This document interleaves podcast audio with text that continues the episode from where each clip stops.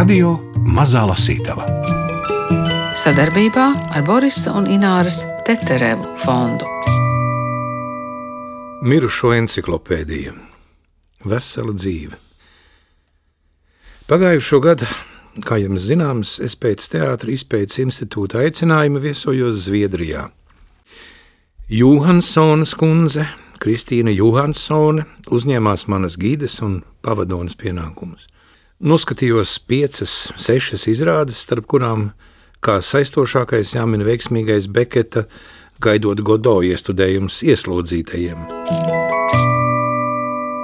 Žēl, ka pie latviešu lasītājiem kiša darbi nāk tik vēlu. Šis tulkojums būtu teicami iederējies tūkstošu gažu mijā, kad nāca klajā pirmie Borges un Umberto Eko grāmatu latviešu izdevumi.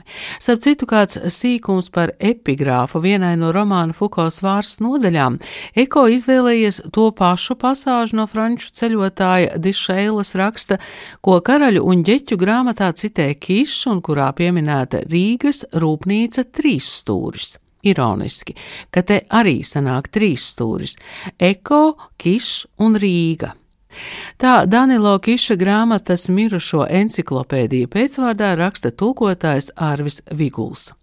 Šajā grāmatā un arī šajā sarunā būs daudz literāru atsauču, bet vispirms jānoskaidro, ko nozīmē, ka Arvis Viguls tulkojas no serbu-horvātu valodas. Tas ir vēsturisks salikums. Tā šo valodu sauc pats Kišs, jo viņš nepaspēja. Teiksim tā, ka cilvēkiem vajadzēja izlemt, kā viņi sauc savu valodu, viņš jau bija miris. Un sevi viņš sauc par Dienaslavu rakstnieku. Tāpēc teikt, ka viņš rakstīja serbu valodā, tas arī būtu nedaudz nepareizi, manuprāt, un neprecīzi. Jo pats viņa laikā to valodu tā arī sauc par serbu-horvātu valodu. Tas, protams, ir tāds himēra izveidojums, salikums kopā, kas tādas valodas varbūt arī nemaz nav, bet tobrīd to tā sauca valodu, kurā runāja Dienvidslāvijā. Uzvārds patiesībā ir uh, ungāru uzvārds. Tas ir ungāru valodā nozīmē mazs, mazais, kas, protams, ļoti komiski, jo Danilo Kišs pats bija ļoti gara auguma cilvēks ar uzvārdu mazais. Kāpēc jūs sākāt tulkot Danilo Kišu mirušo enciklopēdiju? Un arī jautājums, kāpēc mēs nu, tik vēlu to iepazīstam? Kāpēc mēs to iepazīstam tik vēl, tas laikam nav jautājums man. es ne... Kad es varēju, tad es laboju šo. Tas, ka šī grāmata bija jātulko, tapu skaidrs, kad es sāku mācīties šajā gadījumā serbu valodu. Lai gan dažas grāmatas, no kurām es mācījos, bija serbu, horvātu valodas mācību grāmatas. Kišs ir ļoti svarīgs autors, un šī grāmata ir ļoti svarīga ne tikai serbu, horvātu, bet vispār jā, visas Dienaslāvijas, bijušās Dienaslāvijas valstu, tautu literatūrās. Tāpēc jā, nevar īsti teikt, ka viņš pieder tikai serbu literatūrai. Vai tikpat labi melnkalnieši viņu arī varētu uzskatīt par savējo. Jo viņa māte bija no Melnkalnes, viņš arī Melnkalnē ir dzīvojis kādu laiku, mācījies tur, gājis skolā. Šie ir stāsti, mirušo encyklopēdija, un katram stāstam man ir tāds sajūta, ka ir stāsti par to stāstu. Tā varētu būt. Ja? Jā, jā, tur ir tāda refleksija un apkārt staigāšana sižetam, un valodai un tekstam, kur, protams, var manīt kiša interesi par literatūru arī, arī kā pētniekam un salīdzinošās literatūras jomā darbojies. Un, Viņš ir arī pirmais, kurš Dienvidslāvijā ir ieguvis diplomu un absolvējis kā salīdzinošās literatūras speciālists. Un to, protams, var manīt. Jā. Kas ir mirušo encyklopēdija? Izstāstiet man. À, nu jā, patiesībā mirušo encyklopēdija ir grāmata, kuru ir nosapņojusi Kiša pirmā sieva. Un, uh, viņš ir uzrakstījis par šo sapni, uh, par šo grāmatas stāstu. Un mirušo encyklopēdija šajā gadījumā ir milzīgs grāmatu krājums. Patiesībā tā nav viena grāmata kurā ir apkopotas ziņas par cilvēki, visiem cilvēkiem, kas ir dzīvojuši uz Zemes un kuri nav iekļuvuši citās encyklopēdijās. Tā, teiksim, mazo cilvēku encyklopēdija. Jā, es tāpēc sapratu, kāpēc tas stāsts pirmā personā, bet nu, no sievietes pozīcijas. Mm -hmm. jā, jā. Tā tad viņa sievas nosapņotais stāsts, tā varētu teikt? Jā, jā. jā.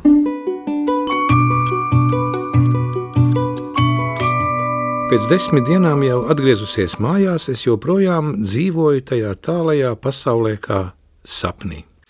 Johanssonas kundze izrādījās uzņēmīga sieviete, un tajās desmit dienās dzīrās man parādīt visu, ko Zviedrijā iespējams apskatīt visu, kas mani kā sievieti varētu interesēt.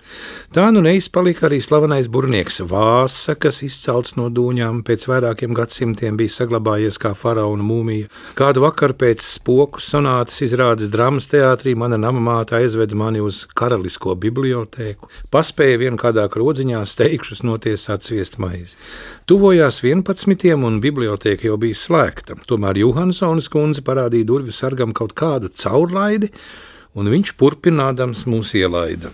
Viņš zvadzināja lielu riņķi ar atslēgām, tāpat kā tas sargs, kurš dienu iepriekš bija mūsu ievedis centrāla cietumā uz gaidot godo izrādi. Mana namamāte nodeva mani šī cerbera rokās, teikdama, ka no rīta iegriezīšoties pie manas viesnīcā, bet lai es dieva mierā apskatot bibliotēku.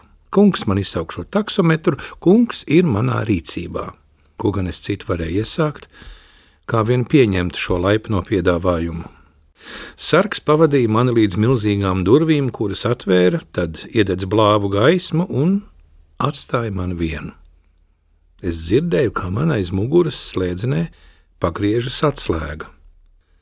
Tā nu attapos ieslēgta bibliotekā, gluži kā pazemes cietumā. No kaut kurienes vilka caurvējš, šūpodams zirnekļu tīklu skrandas, kas līdzīgi netīrai saplāstai marlē karājās, gar grāmatām plauktos kā vecām smalka vīnu pudelēm pagrabā.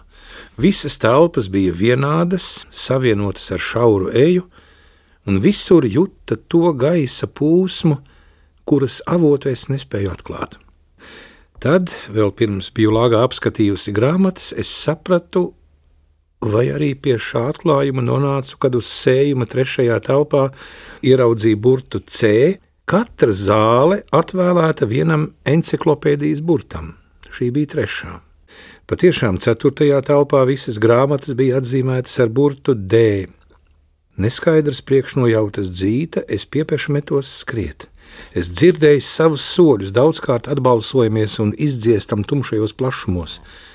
Satraukta un aizelsusies, es nonācu pie burta M un ar pavisam skaidru nolūku atvēru vienu no grāmatām.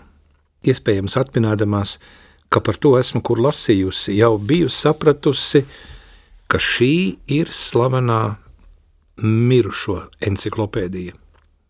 Acu mirklī vēl pirms biju atvērusi milzīgo sējumu, man viss kļuva skaidrs. Pirmais, ko ieraudzīju, bija viņa portrets. Viens vienīgs, iespiests starp divās slēgās izkārtoto tekstu, gandrīz lapuses vidū. Tā bija tā pati fotografija, ko esat redzējuši uz manas rakstām galda. Uzņemta 1936. gada 12. novembrī Mariborā pēc viņa atvaļināšanās no armijas. Zem uzņēmuma viņa vārds un iekavas ar gada skaitļiem 1910, 1979. Jums zināms, ka mans dārgais tēvs nesen devās mūžībā un ka jau no mazām dienām bija viņam stipri pieķērusies. Taču tagad ne par to. Šobrīd svarīgs ir apstākļus, ka viņš nomira nepilnus divus mēnešus pirms mana brauciena uz Zviedriju. Lielā mērā izšķīros par labu šim ceļojumam tieši tādēļ, lai aizmirstu nelaimi, kas bija mani piemeklējusi. Es prātoju, kā jau lielās bēdās mēdz prātot, ka vietas maiņa palīdzēs aizmirst sāpes. It kā savu nelaimi mēs nenesātu sev līdzi. Ar muguru atspiedusies pret ļodzīgajiem koku plauktiem, turēdama grāmatu rokās, es lasīju viņu biogrāfiju. Pavisam zaudējusi nojēgu par laiku. Grāmatas bija resnu ķēdi pievažotas pie dzelzceļa riņķa plauktā kā viduslaiku bibliotekās. To sapratu, kad mēģināju pavilkt šo smago sējumu tuvāk gaismai. Piepeši mani pārņēma bažas, jo šķita, ka būšu kavējusies jau pārāk ilgi, un Cerbera kungs, tā prātā bija viņu nodēvējusi, varētu lūgt man mest lasīšanai mieru. Tāpēc es steigšu smetu slaidu skatienu pāri rindkopām, pagriezusi atvērto grāmatu, cik to ļāva ķēde, pret skopos pulzes gaismu. Biezā putekļa kārtas sējuma stūros un tumšo līga no zirnekļu tīklu skrandas liecināja, ka tos neviens nav kustinājis. Grāmatas bija iekaltas važās kā galēru vergi, bet pie ķēdēm nebija piekarama atslēgu. Tātad šī, es prātoju, ir slavenā mirušo encyklopēdija. Biju iztēlojusies to kā senu grāmatu, kā veclaiku grāmatu, ko līdzīgu Tibetas mirušo grāmatā vai kabalai vai svēto dzīves stāstiem. Tātad vienam no tiem ezotēriskajiem cilvēka gara veikumiem, kas spētu sagādāt baudu vienīgi eremītiem, rabīniem un mūkiem. Kādā brīdī atģidusies, ka lasīšana ievilksies līdz rītausmai, un no visa šī man, viņa meitai un manai mātei nepaliks itin nekādu taustāmu pierādījumu, es nolēmu pārrakstīt dažus svarīgākos faktus, sastādīt kaut ko līdzīgu savu tēva biogrāfijas kopsavilkumam. Šajā burtnīcā ir sakopoti vienkārši encyklopēdijas dati, nenozīmīgi jebkuram citam, izņemot mani un manu māti - vārdi, vietas, datumi. Un tas ir viss, ko steigšu pagūvu pierakstīt rītam austot. Bet šo encyklopēdiju par vienīgo pasaulē padara ne tikai tas, ka tā ir neatkārtojama, bet arī veids, kā tajā atspoguļotas cilvēku attiecības, tikšanās, ainavas, visa detaļu bagātība, kas veido cilvēka dzīvi. Piemēram, ziņas par viņa dzimšanas vietu, pilnīgas un precīzas. Kraļevčāni, Glinas municipalitāte, Sisakas apriņķis, Banijas apgabals. Šīs ziņas bija papildinātas ar geogrāfiskām un vēsturiskām detaļām, jo te bija pierakstīts viss. Viss.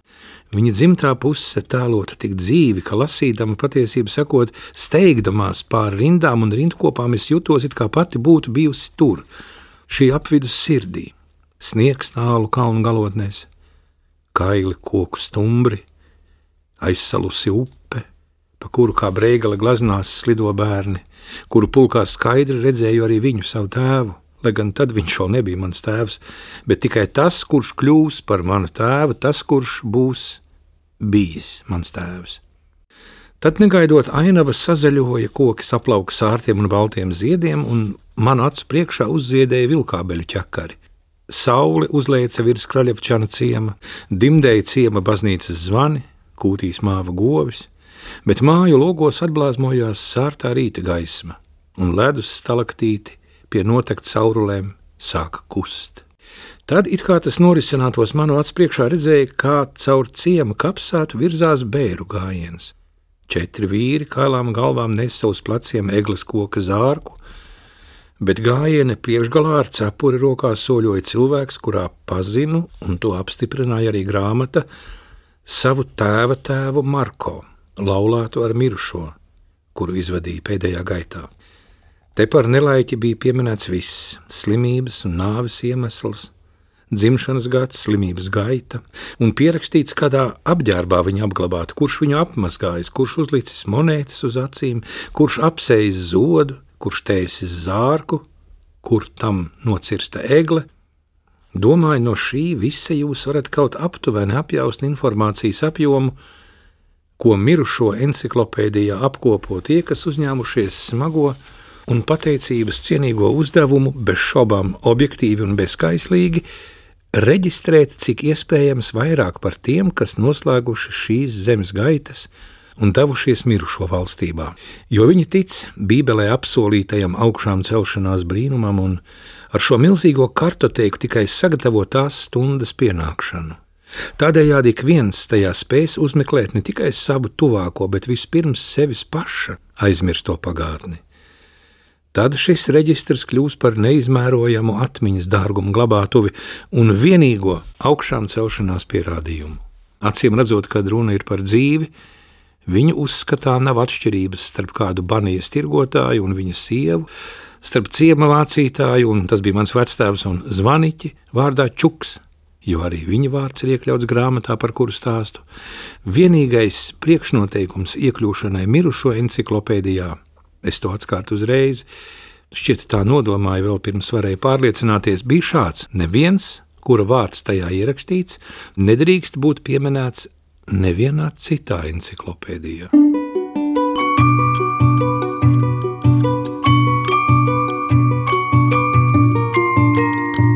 Radio Mazā lasītava. Danilo Kiša mirušo enciklopēdija. No serbhorvātu valodas tulkojas Ārvis Viguls. Gundars Āboliņš lasa fragmentus no stāstiem Leģenda par gulētājiem, Sīmanis Maks un mirušo enciklopēdija. Ļaudis jau bija apraduši ar dažne dažādiem klejotājiem, kas nāca no visām debesu pusēm, galvenokārt no austrumiem, reizums pa vienam, reizums divatā, citreiz ticīgo pulka pavadībā. Daži atstāja mūļus un kamieļus ciema tuvumā vai kalna pakājē vai netālā ielā, daži ieradās ar bruņotu svītu, un viņu sludināšana drīzāk līdzinājās draudiem vai komēdijai. Daži atjāja ar mūļiem un nenokāpuši zemē rādīja akrobātiskus trikus, taču šajos pēdējos 15 gados, kopš tā nācariešu nāves, bija sākuši iegriezties jauni un veselīgi ļaudis ar koptu bārdu, vai vēl pavisam gludiem vaigiem, baltā apmetnī tērpti ar ganas pieķi rokā, un visi devējās par apstuļiem un dieva dēliem. Viņu sandalas bija noputējušas garajā ceļā, bet runas līdzinājās cita citai, itin kā viņi būtu mācījušies no vienas grāmatas. Visi atsaucās uz vienu un to pašu brīnumu, kuram liecinieki bijuši. Kāds nācerietis viņu acu priekšā pārvērtis ūdeni vīnā un pabarojis veselu pulku ar dažām sardīnēm. Daži apgalvoja, ka redzējuši viņu paceļamies gaisā pretī žilbinošai gaismai un uzlidojam debesīs līdzīgi kā dūjai. Aklie, kurus tie vadīja līdzi kā dzīves lieciniekus, apgalvoja, ka šis spožums viņam laupījis redzi, taču dāvājis garīgu gaismu. Un visi devējās par dieva dēliem, un dieva dēla dēliem. Par maizes gabalu un vīnu krūku viņi solīja mūžīgo dzīvošanu un svētību, bet, kad ļaudis viņus padzina no savas liekšņa, uzrīdījuši niknus suņus, tad viņi draudēja ar mūžīgo pekli, kur miesa deg uz lēnas uguns kā jērs uz iesma. Šo sludinātāju vidū atradās arī labi runātāji, kas neticīgajai tautai un vēl neticīgākajiem valdniekiem prata atbildēt uz daudziem sarežģītiem jautājumiem ne tikai par dvēseli, bet arī par miesu, zemkopību, lopkopību. Jaunekļiem viņa ārstēja pūtītes, jaunavām deva higiēnas padomus, kā nosargāt nevainību un kā to vieglāk dāvāt. Vecos ļaudis viņi pamācīja, kā sagatavoties nāves atnākšanai, kādi vārdi tiem jāpasaka pastarajā dienā, kā jāsaliek rokas, lai vieglāk šķērsotu šauro aizu, kas ved pretī gaismai. Mātēm viņi deva padomus, kā bez izdevumiem un dārgiem pūšļotājiem un zālēm glābt jaundzimušo, kā nosargāt dēlus no došanās karagājienos un ārstēt neauglību ar saprotamām un vienkāršām lūksnām, kas jāizrunā trīs reizes dienā tukšā dūšā lai svētais gars, kā viņi to sauca, apaugļotu klēpi. Un to visu viņi darīja par brīvu, par baltu velti. Ja maksā neieskaita maizes garozi, ko viņi pieņēma ar pateicību, vai trauku augstu ūdens, ko viņi dzēra maziem alkiem, murminādami nesaprotams vārdus. Tā šie sludinātāji nāca cits pēc cita no dažādām pasaules malām, dažādām paražām un valodām, ar noaugušiem vai gludiem vaigiem, tomēr visi runāja vairāk vai mazāk vienu un to pašu. Ko pavēstīja viens, apliecināja otrs, vairojās tikai detaļas, un, ja neņem vērā nenozīmīgas atšķirības, stāsts par tā nācerieša brīnumdarbiem un augšām celšanos kļuva arvien ticamāks. Jūdejas, Samarijas un Anatolijas ļaudis jau bija raduši pie šiem miermīlīgajiem jaunekļiem ar noputējušām zandalēm, kuri turēja rokas sakrustotas uz krūtīm, runāja jaunava balsīs un dziedāja, pavērsuši acis pret debesīm. Deva viņiem augsta ūdeni un maizes garozu, bet viņi pateicās un pretī solīja mūžīgu dzīvošanu un aprakstīja brīnumainu zemi, kur tie nonāks pēc nāves. Tur nav tūkstnešu, tur nav smilšu, čūsku un zirnekļu, vienīgi palmas platām lapām. Vēsa ūdens avoti ik uz soļa, zāles stiepjas līdz ceļiem un pāri ceļiem, saule spīd mēreni, naktis ir kā dienas, bet dienas ir mūžīgas. Govis rāmi gramo, kāzas un aitas ganās pļavās, ziedi smaržo cauru gadu, un tur valda mūžīgs pavasaris. Nav kraukļu un ērgļu, vienīgi lakstīgalas, kas pogo augām dienām, nu un tā tālāk. Šīs paradīzes dārza ainas, kas iesākumā visiem šķita smieklīgas un neiespējamas, kurš gan redzējis, ka saule mūžam spīdētu, ka nebūtu ciešana un nāves, šie jaunekļi ar labestīgām zilām acīm aprakstīja tik pārliecinoši, tik iedvesmoti, ka ļaudis sāk ticēt. Kad vieni meli atkārto citus, ļaudis tos pamazām pieņem ar patiesību. jo ļaudīm ir vajadzīga ticība. Daudz jaunekļi apāva sandālus garām siksnām un devās viņiem līdzi. Daži atgriezās dzimtajā ciemā pēc gada vai diviem, daži pēc desmit. Noguruši no ilgās ceļošanas, balti iesirmojušām bārdām. Tad arī viņi paši runāja klusi, rokām sakrustotām virs cirkšņiem, runāja par viņa brīnumdarbiem, par viņa mācību, sludināja savādus likumus, nicināja miesas baudas, terpās pieticīgi, ēda mēreni, vīnu, dzēra kausu, celdami ar abām rokām. Vien aizsvilās viņi ar negaidītu sparu, kad tiem iebilda, kad izteica šaubas par viņu mācību un viņa brīnumdarbiem, kad kāds vai man tādam apšaubīja mūžīgo dzīvošanu un paradīzes dārzu. Tad šim nelaimīgajam tie ar izteiksmīgiem un asiem vārdiem, ar draudīgiem un kvēliem vārdiem tēloja mūžīgās grēku izpirkšanas mokas.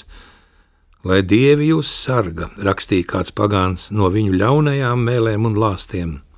Viņi zināja, kā pret apšaubītājiem likt lietā saldus runas un solījumus, uzpirkšanu un draudus, un jo auga viņu vara un vairojās ticīgo skaits, jo stiprāki un nekaunīgāki viņi kļuva. Viņu šantažēja ģimenes, musināja prātus uz ļaunprātībām, pina intrigas ap ikvienu, kas atļāvās izteikt kaut mazākās šaubas par viņu mācību. Viņiem bija savi provokātori, kūdītāji un slepenas tiesas, kurās pasludināja anatēmas un piesprieda sodus, dedzināja pretinieku rakstus un izgāza lāstus pār nepakļāvīgo galvām. Ļaudis tiem pievienojās ar vien lielākā skaitā, jo uzticīgos viņi apbalvoja, bet nepaklausīgos sodīja. Šajā laikā tad arī uzrādījās Sīmanis, saukts par magu. Mēs varam uzskatīt, ka tā reliģiskā tēma ir vairāk kā metāfora patiesībā politikai un ideoloģijai kā tādai. Tas patiesībā ir daudz šo stāstu ir traktējuši kā politisku stāstu, politisku līdzību. Sīmanis Maks, jā. jā, jā. Un arī pašu kišu reizēm vēlāk esot devējuši par Sīmani Magu kā tādu nepieradināto. Un... Kuriem stāstiem jūs vēl pievērst uzmanību šajā, šajā krājumā? Šeit ir tāds daļai dokumentāls, daļai pseidodokumentāls. Viens no garākajiem tekstiem ir garākais teksts, kas ir karaļu un ģeķu grāmata, kuru lasot, uh, raisīties pārdomas, kuras ir aktuālas, teiksim, tādiem žēl arī šobrīd tieši situācijā pasaulē un tepat mums kaimiņos. Sarkans pasmarks ar Ļeņina ģīmetni par ko? Tas ir uh, mīlestības stāsts, stāsts par mīlestību. Mīlas stāsts, teiksim tā, ko stāsta mīlētāji, kur ir palikusi jau viena pati un atcerās. Tas ir stāsts, kuru ir uh, patiesībā iedvesmojusi Osipa Mandelštam biogrāfija un viņas sievas Naģeždas uh, memoāri. Nu, tuvākais, kas šobrīd no tulkojumiem ir gaidāms, ir uh, britu dzinieka Teda Hughes dzīslas izlase, kas iznāks. Tad, tad jūs nevienu tulkojat, bet arī atzījojat. Jā, jā, patiesībā vairāk es atzīvoju, kādreiz vairāk atzīvoju, te turbūt vairāk tulkoju. Kur ir tā smalkā robeža starp teksta tulkojumu un atzīvojumu? Jo atzījot jau var arī prozas tekstu. Nu, teiksim tā, to robežu var nojaust. Šajā grāmatā ir stāsts uh, leģenda par gulētājiem, kas, ir, uh, kas patiesībā ir dzēja. tas stāsts bija jāatzīvo, nevis jātulko atšķirībā no pārējiem.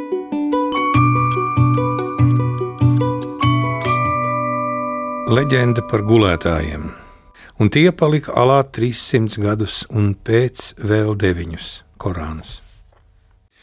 Viņi gulēja augšpēdus uz raupjas un mitras maisa drānas, jau ietrūdējušas no valguma un dažviet nodilušas zem viņu kustībām, viņu grozīšanās, viņu kauliem, kur augumi saskārās ar kamīļa spalvu, zem pakauša, zem lāpstiņām, zem elkoņiem, pie iegurņa izliekumiem, zem papēžiem un apakšstilbiem cietiem kā sprēslīca. Viņi gulēja augšpēdus, lūkšanā sakrustotām rokām kā miroņi, uz mitrās un satrunējušās maisa drānas, kas dila zem viņa augumiem, kur iekustējās tikai retumis, no gurdenu gulētāju, dzīves un kustības nogurdinātu gulētāju, un tomēr gulētāju neapjaustās grozīšanās, jo viņu locekļi tomēr mēdzas sakustēties kaut nemanāmi cilvēka acī, bet maisa drāna zem viņiem dila, kur tās piedās pie alas kailās klints, zem viņu miega un viņu pārakmeņoto auguma svara, kur to spieda cilvēcisko mālu grozīšanās, kaulu berzēšanās, pret mitru, raupju maisa drānu un drānas trīšanās pret alas dimanta cieto klinti. Viņi gulēja augšpēdus savā lielo gulētāju mierā, bet viņu locekļu kustēšanās laika tumsā deldēja mitro drānu zem viņiem, ārdīja nemanāmi plūkošās kamīļas palvas šķiedres, līdzīgi kā ūdens savienojies ar laiku, graužas akmens cietajā sirdī. Viņa gulēja augšpēdus tumšā alā, koēlī kalnā, lūkšanā sakrustotām rokām kā miroņi, kopā trīs Dionīsijas un viņa draugs Malhus un nedaudz nostāk Jānis, krietnais gans, un viņas suns vārdā Kitimirs. Viņu plaksti smagi no miega, viņu plaksti iesvaidīti ar miega balzamu un miega velna rutku sulu, bija pievērti un no to apakšas nemanīja nedzīvo acu zaļganos pusmēnešus, jo valdīja bezmērīga, valga laika tumsa, mūžības alas tumsība.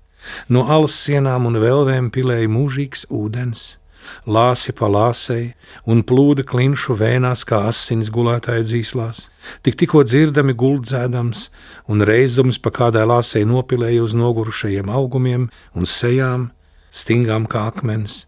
Pa krunciņu uz pieres ietekmēja auss gliemežnīcā, pakavējās uz izliektajām plakstu krunciņām, noritēja pār zaļganajiem atsāboliem, kā ledaina asara, apstājās uz pārakmeņoto acu skropstām taču viņa nepamodās. Kurli, miega svina un tumsas piķa aizzīmogotu dzirdi, viņa gulēja nekustīgi raudzīdamies savas esmes tumsā, laika un mūžības tumsā, kas bija pārvērtusi akmenī viņu snaudošās sirdis, apturējusi viņu elpu un viņu plaušu kustību, sasaldējusi asiņu guldzēšanu zīslās, alas valguma un auguma rāmuma sargāti, aizmirstības pelnu un sapņu bezprāta skubināti, auga vienīgi viņu mati un bārda, auguma un padušu spalvas, un neredzami, kā neredzami ceļi un posta ūdens, miegā auga vienīgi viņu nagi krakšķēdami. Apmēram tāds ritms varētu būt. Jā, jā, jā tur jā. Tā, daudz lapušu garumā. un tā daudz lapušu garumā. Nu, jaunākais no viņiem Dionīsijas, kurš ar rozi sirdī gulēja starp Ganu Jāni un savu draugu Malhusu, pamodās pirmais, piepeši, it kā laika un atmiņas vēja skarts.